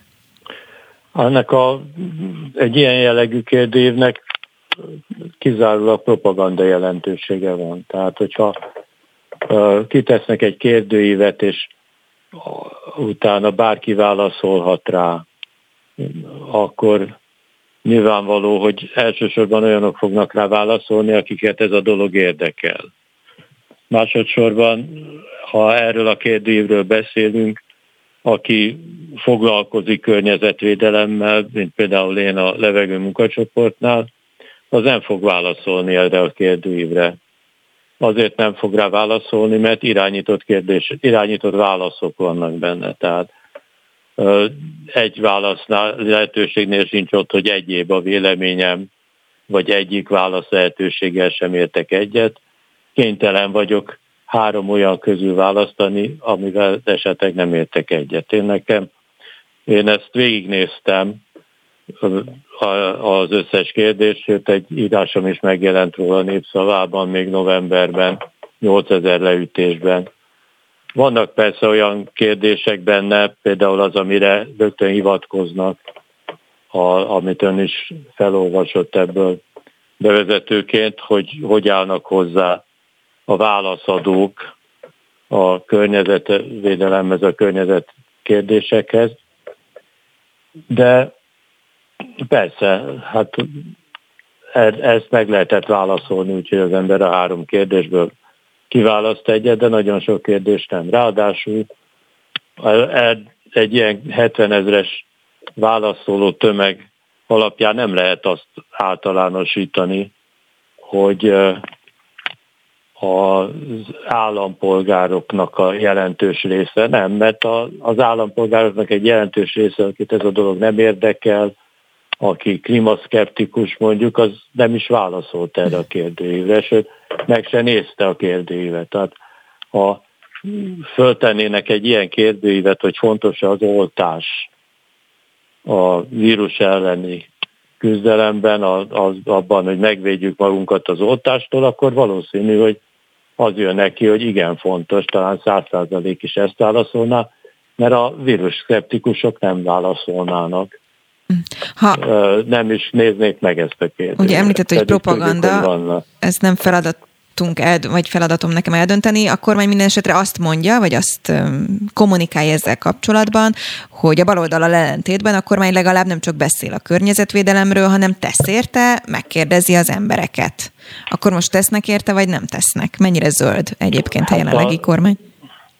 Hát a, ugye én szerintem nagyon nem zöld. Mondok példákat a, a most úgy erre a beszélgetésre készülve egy kicsit möngésztem az interneten, találtam egy tavaly novemberi felmérést a Greenpeace honlapján, egy igazi közvéleménykutatást, ahol ezer embert megkérdeztek, és a válaszadóknak a túlnyomó része azt mondta, hogy a kormánynak meg kellene védeni a nagy tavainkat és látjuk, hogy nem ez folyik, hanem a fertőtót tönkreteszik a Balaton. Hát ott most például lehet pont így ez a beruházási kérdés, nem? Már megint, Ki már megint írva? kiírták, újra kiírták ezt a közbeszerzést, ami korábban leállt, legalábbis én úgy uh-huh. tudom. És uh, sok ilyen dolog van, a, vagy van egy, egy nagyon szép kérdés van ebből, hogy kell-e jobban büntetni azokat, akik illegális szemetet helyeznek el valahol. De nem büntetni kéne őket, hanem felderíteni. Meg kellene erősíteni a természetvédelmi hatóságot, legyenek emberek, akik látják, hogyha illegálisan leraknak oda hulladékot. Balaton Bakaratján volt egy nagy beruházás, ahhoz létesítettek egy illegális lerakót, és senki oda nem figyelt a... Most, tettünk egy, be, a feleségem tett egy bejelentést róla, hogy hogy ott van egy illegális hulladéknál, akkor nem tudom, mi lesz a vége. De az ellenzéki oldalon rendes... lát egyébként zöldebb törekvéseket? Pont egy órával ezelőtt Kanász Nagy Mátéval beszélgettünk például, és én megkérdeztem tőle, hogy hát ők ugye zöld pártnak tartják magukat, ő mégis úgy tűnik, hogy most, vagy nem úgy tűnik, hanem bejelentve a szociális ügyeket viszi, és zöld ügyeket senki nem visz az ellenzék oldaláról, amikor megnevezték mondjuk az arcokat? Hát ezt én nem tudom, hogy ez hogy van, mert ezt nem figyelem, hogy itt neveztek meg. Azt tudom, hogy például a párbeszédnél a Jávor Benedek vezetésével folyik egy nagyon komoly környezeti program uh-huh. kidolgozása. Ezek, És... ezeknek mi, mi, mi lehet a legsürgetőbb, vagy legfontosabb pontja ön szerint? Például a közlekedésben mi az, amit kb. SOS-be kellene vezetnünk? A közlekedésben SOS-be a roncsautók importnak a megfékezésével kellene foglalkozni, hogy amikor Nyugat-Európában valaki villanyautóra cseréli az autóját, a dízelautóját, az nem Magyarországon landoljon, és ne lehessen Nem mai probléma, igen. Hogyan? Nem, Tehát, mert hogy nyilván ezek olcsók, megbízható, mert vigyázott rá a gazdája odakin, nem úgy, mint itthon. Milyen támogatással, vagy milyen eszközzel lehetne ezt megoldani? Meg lehet találni a módját, a, az adózást kell megváltoztatni. Például, de azt is lehet, hogy előírom, hogyha egy autó 150 ezer kilométernél többet futott, akkor hozzonak igazolást arról, hogy a kipufogójának a, a füstszűrő elemeit, azokat kicserélték, mert azok olyan 140 ezer kilométerre vannak kitalálva, tehát meg lehet talál, találni olyan eszközöket, amikkel meg lehet drágítani. Ez egy példa, igen. Varga Márton, De, a levegő munkacsoport közlekedési szakértője, innen fogjuk legközelebb folytatni. Köszönöm szépen a beszélgetést. Köszönöm én is, viszont hallás. Viszont hallás. Spirit FM 92.9 A nagyváros hangja A Rudapithecus kutatás Tények és Mesék című könyve a 10 millió évvel ezelőtti borsodba kalauzolja az olvasókat, ahol a Rudapithecus hungaricus élt. Az állat maradványait Rudabányán találták meg. Kereken 50 éven keresztül zajlottak a település egykori bányájában az ásatások, amelyek során Rudi világhírűvé vált. A kutatás Rudabányán most véget ért. Vendégünk dr. Kordos László, paleontológus, a Magyar Állami Földtani Intézet egykori igazgatója.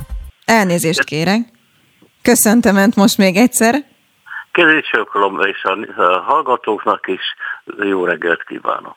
Kordos Lászlóval beszélgetünk tehát, és erről a kiadványról, amelyben úgy tudom, hogy soha nem látott akár képek és történetek is megelevenednek. Mi ez a kiadvány?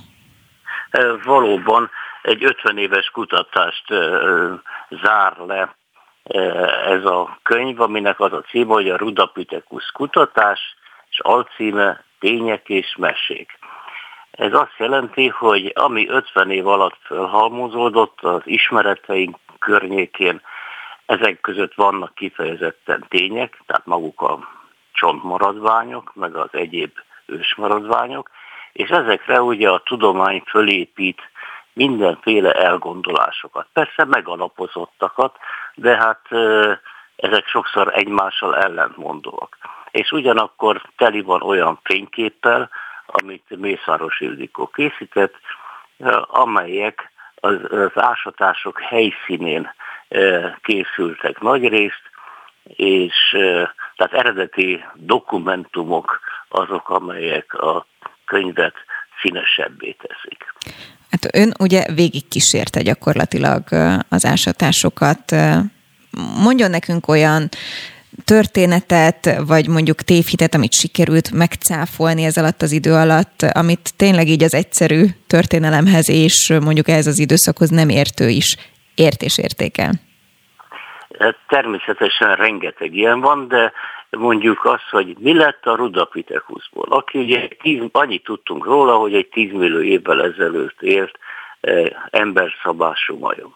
A kezdeti kutatásokkor mindössze egy eh, álkapocs és a felső álcsont és néhány foga állt rendelkezésre, ami nagyon hasonlított eh, tulajdonképpen az ázsiai, indiai eh, hasonló majomleletekhez, és erre úgy gondolták, hogy közvetlenül az emberhez vezethet. A másik elgondolás jó néhány évvel később már az volt, amikor koponyákat is e, találtunk, hogy e, hát ennek a majomnak valószínűleg vissza kellett térnie Afrikába, ahonnan ma azt mondjuk, hogy megingathatatlan, persze megingatható, hogy az ember onnan származik. Tehát volt egy ilyen elgondolás is, ez tulajdonképpen még ma is él, és ezt sokan gondolják. A harmadik elgondolás pedig rém egyszerű, az, hogy ezek a egyébként Európában elterjedt ősmajmok, ezek egy nagy környezetváltozás hatására mind kihaltak. Tehát leszármazás nélkül már a mai utódjaikat nem lehet föllelni. Tehát ennyire sokféle egymással homlok egyenest ellentmondó következtetéseket is le lehet vonni egy nem lényegtelen kérdésben. Hogyan látja most innentől kezdve, mi lesz azzal a területtel, mi lesz az ásatásokkal, hogyan tovább? Az ásatásokat ott most gyakorlatilag befejeztük, legfeljebb csak, hát hogyha kérdések merülnek föl, amiket a tudománynak meg kellene válaszolni, akkor az egykori ásatási területnek a megmaradt része az rendelkezésre áll. De egyébként most épült egy hatalmas bemutatócsarnok kint a bányába, a legfontosabb lelőhely fölé, amit a látogatók megtekinthetnek. Ebből a kiadványból, ebből a kötetből mi minden derülhet ki, kiknek ajánlja, olyanoknak, akik mondjuk erősen érdeklődnek a téma után, vagy egyszerű civilek is érthetővé, tehát ért, érthető számunkra is? Szerintem mindenki számára érthető. Nem mondom, hogy néha nem kell odafigyelni.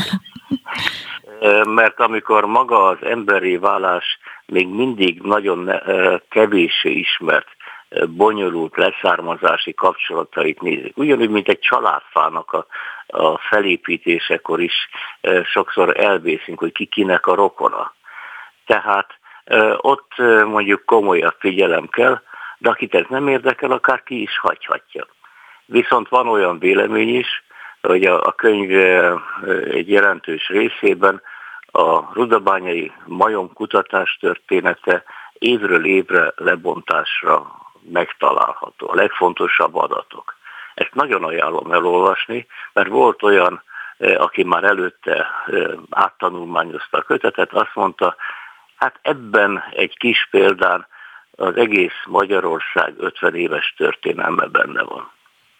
Ez annó, ez a lelet világszenzáció volt, szerintem nyugodtan fogalmazhatok így. Összességében az maradt? Ez természetesen, természetesen más formában tehát akkor mint újdonság volt. Tehát akkor ez egy címlapokon szereplő Így van. teljes különlegesség volt. Ma, hogyha ugyanilyet találunk, akkor ez már nem biztos, hogy címlapokra kerül. Viszont De miért? Azért, mert már annyi mindent találtunk, ami ehhez hasonló, vagy azért, mert az embereket nem biztos, hogy feltétlenül érdekli ez, annyi minden más téma van? Hát ezt nehéz megválaszolni, mert hogy az embereket mi érdekli, mert lehet, hogy e, oldalas címlap lesz abból, hogy előkerült egy e, mamutfog, amiből Dunát lehet rekeszteni, meg a Dunából is kerül gyakran elő. E, tehát az, hogy mi érdekli és az embereket és mi szenzáció, ezt hát hogy mondjam, hosszú ideig tartanak kibogarázni, meg nem is biztos, hogy sikerülne. De tény az, hogy ha nem mond új tudományos eredményt az eddigiekhez képest, egy új, akár nagyszerű lelet is, akkor az nem kerül címlapra. Viszont nincsen olyan egyetemi tankönyv a világon, kézikönyv, amelybe Rudabánya és a Rudapitekus nem lenne benne. Tehát ez a jelentősége. Ez egészen biztos. Ma egyébként eh, hogy néznek a kutatók itthon erre az időszakra? Ön hogy emlékszik vissza például? Ö, azt hiszem, hogy mindenki nagyjából tudja, aki szűkebben ott volt, hiszen ö, ö, csak magyar kutatók legalább 80-an, 100-an részt vettek ebben a kutatásban úgy összességében. Aztán a rendszerváltás után nagy nemzetközi kutatások indultak el, mert külföldről támogatták a, és érdeklődtek a leletek és a lelőhely iránt, akkor gyakorlatilag az összes kontinensről 30-40 nagyon magas szintű kutató egyszerre dolgozott Rudabányán, illetve a Földtan Intézet múzeumában, ahol a csontleletek kerültek annak idején. Tehát mm, nagyon sokakat érint szakmailag. Kordos László, a Magyar Állami Földtani Intézet egykori igazgatója, paleontológus. Nagyon szépen köszönöm, hogy a rendelkezésünkre állt, és a Rudapithecus kutatás Tények és Mesék című könyvéről beszélgettünk. Szép napot! Köszönöm szépen, viszont hallásra! Böngésző. Mivel foglalkoznak a vezető internetes portálok? Hogyan találnak egyes híreket? Mire kattintanak a legtöbben? Böngésző. A Spirit FM reggeli műsorának online lapszemléje. Címlapsztorik, értekezések, izgalmas információk. Böngésző. Tóró Nikolette köszöntelek téged, aki a segédszerkesztőnk ma, mert Hazafi Zsolt szerkesztővel együtt dolgozott, és most te hoztál nekem híreket. Igen, jó reggelt mindenkinek. Elsőként azt emelném ki, így a ma reggel megjelent hírek közül, hogy a 444 szúrta ki, hogy átlagosan 490 nap alatt találnak munkát a magyar álláskeresők. Szerintem ez azért is hangsúlyos, mert ugye az ellenzék elég régóta hangoztatja, hogy meg kellene hosszabbítani a Hát meg most talán ez, ahogy beszélgetünk a Ceglédi Zolival is, talán az egyetlen, vagy az egyik kampány témájuk, ugye az aláírásgyűjtés, ami pont ezt segítené az álláskeresési járadék. Igen, igen, és az álláskeresők 40% a semmilyen pénzbeli támogatást nem kapott, ahogy írja a lap. A tartósan egy éven túl nyilvántartásban lévő álláskeresők számában 16% os növekedés látszik az előző évhez képest. Van-e más híred? Hát igen, hogy Na, hát ez, igen. ez tök Hát igen. hogy mennyire érdemes maszkot hordani, mert hogy a Telex írta, hogy ráment, a, a, hogy egy 20 éve szökésben lévő gyilkos tartóztattak le pusztán abból a tényből vették észre, és tudták azonosítani, hogy nem viselt maszkot. és egy kicsit erős megközelítése annak, hogy hordjunk maszkot, de oké. Okay. Tehát, hogy arról van szó, hogy egy 45 éves férfit gyilkosság miatt köröztek két évtizeden át, és most végül is a maszk hiánya miatt bukott le, ez Varsótól nem messze történt egy üzletben. A tessék. Úgyhogy ezért is megéri maszkot hordani. Van-e még valamit, vagy beszélgessünk Adóvás Bettivel, aki megjött közben a Bistro műsorvezetőjeként? Szerintem térjünk át Bettire, mert a, a, Adjunk már... neki, igen, mert van még kb. kettő percünk, na jó, nem három, úgyhogy lehetőséget kapsz, köszöntünk téged, hogy Köszönöm elmond, szépen, hogy mi mindennel várod a kedves hallgatókat. Sziasztok, és üdvözlöm a hallgatókat, és fú, nagyon sok témánk lesz, és nyilván remek témáink lesznek. Itt lesz velünk orvos Tóth Noémi például, itt lesz velünk Kárász Robi, az ATV műsorvezetője. Láttuk itt az előbb libbegni, Láttátok. Szabó Gabi Valmicivel jött, mert hogy Gabinak megjelent a harmadik könyve, most műsorvezetők címmel, ugye eddig a szóvívőkről írt, műsorvezetők címmel, úgyhogy a kulisszákba egy picit remélem, hogy betekintést engednek nyerni, hogy miért például Robira esett a választás, mi az, ami bekerült a könyvbe Robival kapcsolatban, és még nem tudhatjuk, vagy jobban mondva nem tudhatunk róla, hiszen ő annyira a mindennapjait ugye a nézők előtt éli, képernyőn hallhatjuk, láthatjuk őt. Mi az, ami bekerült a könyvbe, amiről soha nem hallottunk vele kapcsolatban? Van ilyen aspektus, elárulom. Na nektek. jó, oké. Okay. Mondok még egy dolgot. Ismeritek a mobilházakat? Igen, igen, Tiny abszolút. House. Egy, egy idő, sőt, van ilyen sorozat egyébként, ilyen mindenféle külföldi csatornán, azt is, azt is szoktam nézni, és egyébként terveztem is egy időben, hogy egy ilyenbe kellene költözni. Igen. és aztán mi történt Hát és aztán nem így alakult a élet. Fia, azért hallgass meg majd az interjúnkat Pölöskei Tiborral, aki a Newton modul és mobilházak ügyvezetője, mert hogy ő az, aki például a Forma 1-es monakói nagyéra készítették a pilótáknak és a csapatoknak a modulházakat, vagy mobilházakat.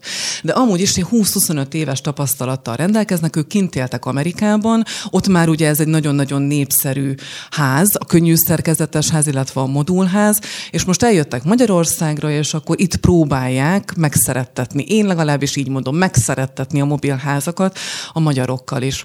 Nagyon érdekes, nagyon szeretem, bár sokszor gondolkodom, hogy egy ilyen 12 vagy 30 négyzetméteres mobilházba hogy férnénk el? Ez nagyon kettős, mert egyébként nyilván simán elférsz, tehát hogy van az az öt ruhád, amit csörélgetsz, akkor az szuper, egy ilyen, hát egy ilyen vásárlói lázban égő társadalomban ez szerintem nem annyira elképzelhető.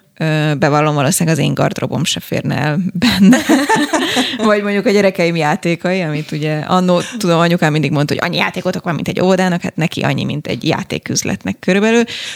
De, de rém izgalmas szerintem, sőt pont tegnap futottam bele egy ilyen tiny házba, vagy mm. nem tudom, hogy hívják ezt uh, itthon, ilyen miniházba, amit lehet bérelni, mm. csilliárdokért egyébként, tehát valami napi 40-50 wow. ezer forintért elmehetsz egy ilyenbe, hogy szűkösen megszálljál és kipróbáljad. Erre is kíváncsi leszek, vagyok, és erre rá fogok kérdezni, hogy vajon mennyire éri meg mobilházat venni, mint mondjuk házat építeni, vagy már meglévő házat venni, ami kőház. Hát sokkal olcsóbb. Hát meg sokkal nagy, kisebb. De hát tudjátok, mi magyarok, nem tudom, az én nagyszüleim minden tartogatnak, tehát, hogy mi magyarok szerintem ez a notórius tartogató, hogy majd jó lesz valamire. Ej, ne dobjunk ki semmit. Szóval, hogy nem tudom, a magyarok erre mikor fognak átszokni Kell egyáltalán. egy mobilház arra, hogy a kacatoknak, nem Igen. tudom. Meg most a pénzügyi erről eszembe jutott, pénzügyi tervezés eszembe jutott erről, mert hogy ma lesz pénzügyi tervezős témánk is, hogy érdemes megtakarítani, spórolni, úgyhogy szerintem ez ezzel összefügg. Na, ebben is gyenge gyenge vagyok, úgyhogy akkor én is hallgatom majd a visszrót, és erre buzdítok mindenkit. Én nagyon szépen köszönöm a figyelmüket. Holnap Rónai Egonnal várjuk majd Önöket. Szép napot!